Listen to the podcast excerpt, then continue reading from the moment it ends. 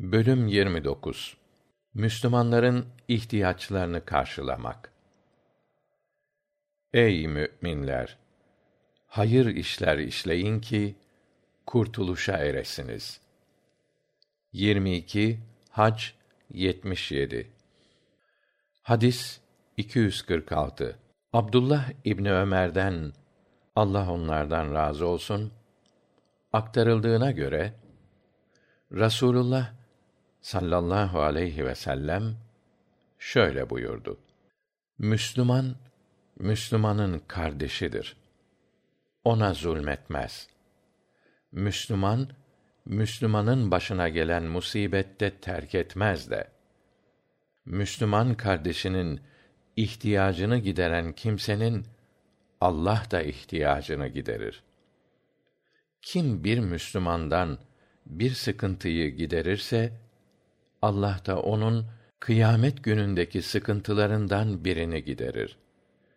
Kim de bir Müslümanın ayıp ve kusurunu örterse Allah da kıyamet günü o kimsenin ayıp ve kusurunu örter.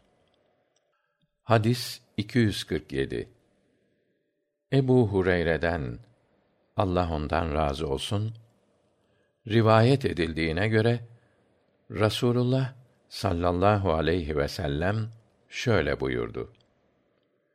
Kim bir müminin dünyadaki sıkıntılarından bir sıkıntıyı gidererek ona nefes aldırırsa Allah da onun kıyamet günündeki sıkıntılarından birini giderir. Kim de zor ve dar durumda olan birine kolaylık gösterirse Allah da ona dünya ve ahirette kolaylık gösterir. Bir kimse bir Müslümanın aybını örterse Allah da onun dünya ve ahiretteki ayıplarını örter. Mü'min kul din kardeşinin yardımında olduğu sürece Allah da o kulun yardımındadır. Bir kimse ilim elde etmek için bir yola girerse Allah da ona cennetin yolunu kolaylaştırır.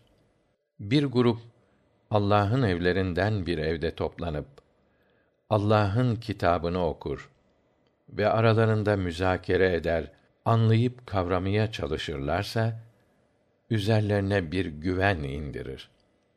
Kalp rahatlığı olur. Onları rahmet kaplar. Melekler onları çepeçevre kuşatırlar.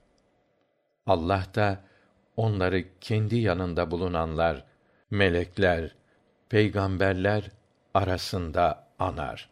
Kimin ameli kendisini geri bırakırsa nesebi, soyu, sopu onu ileriye götüremez.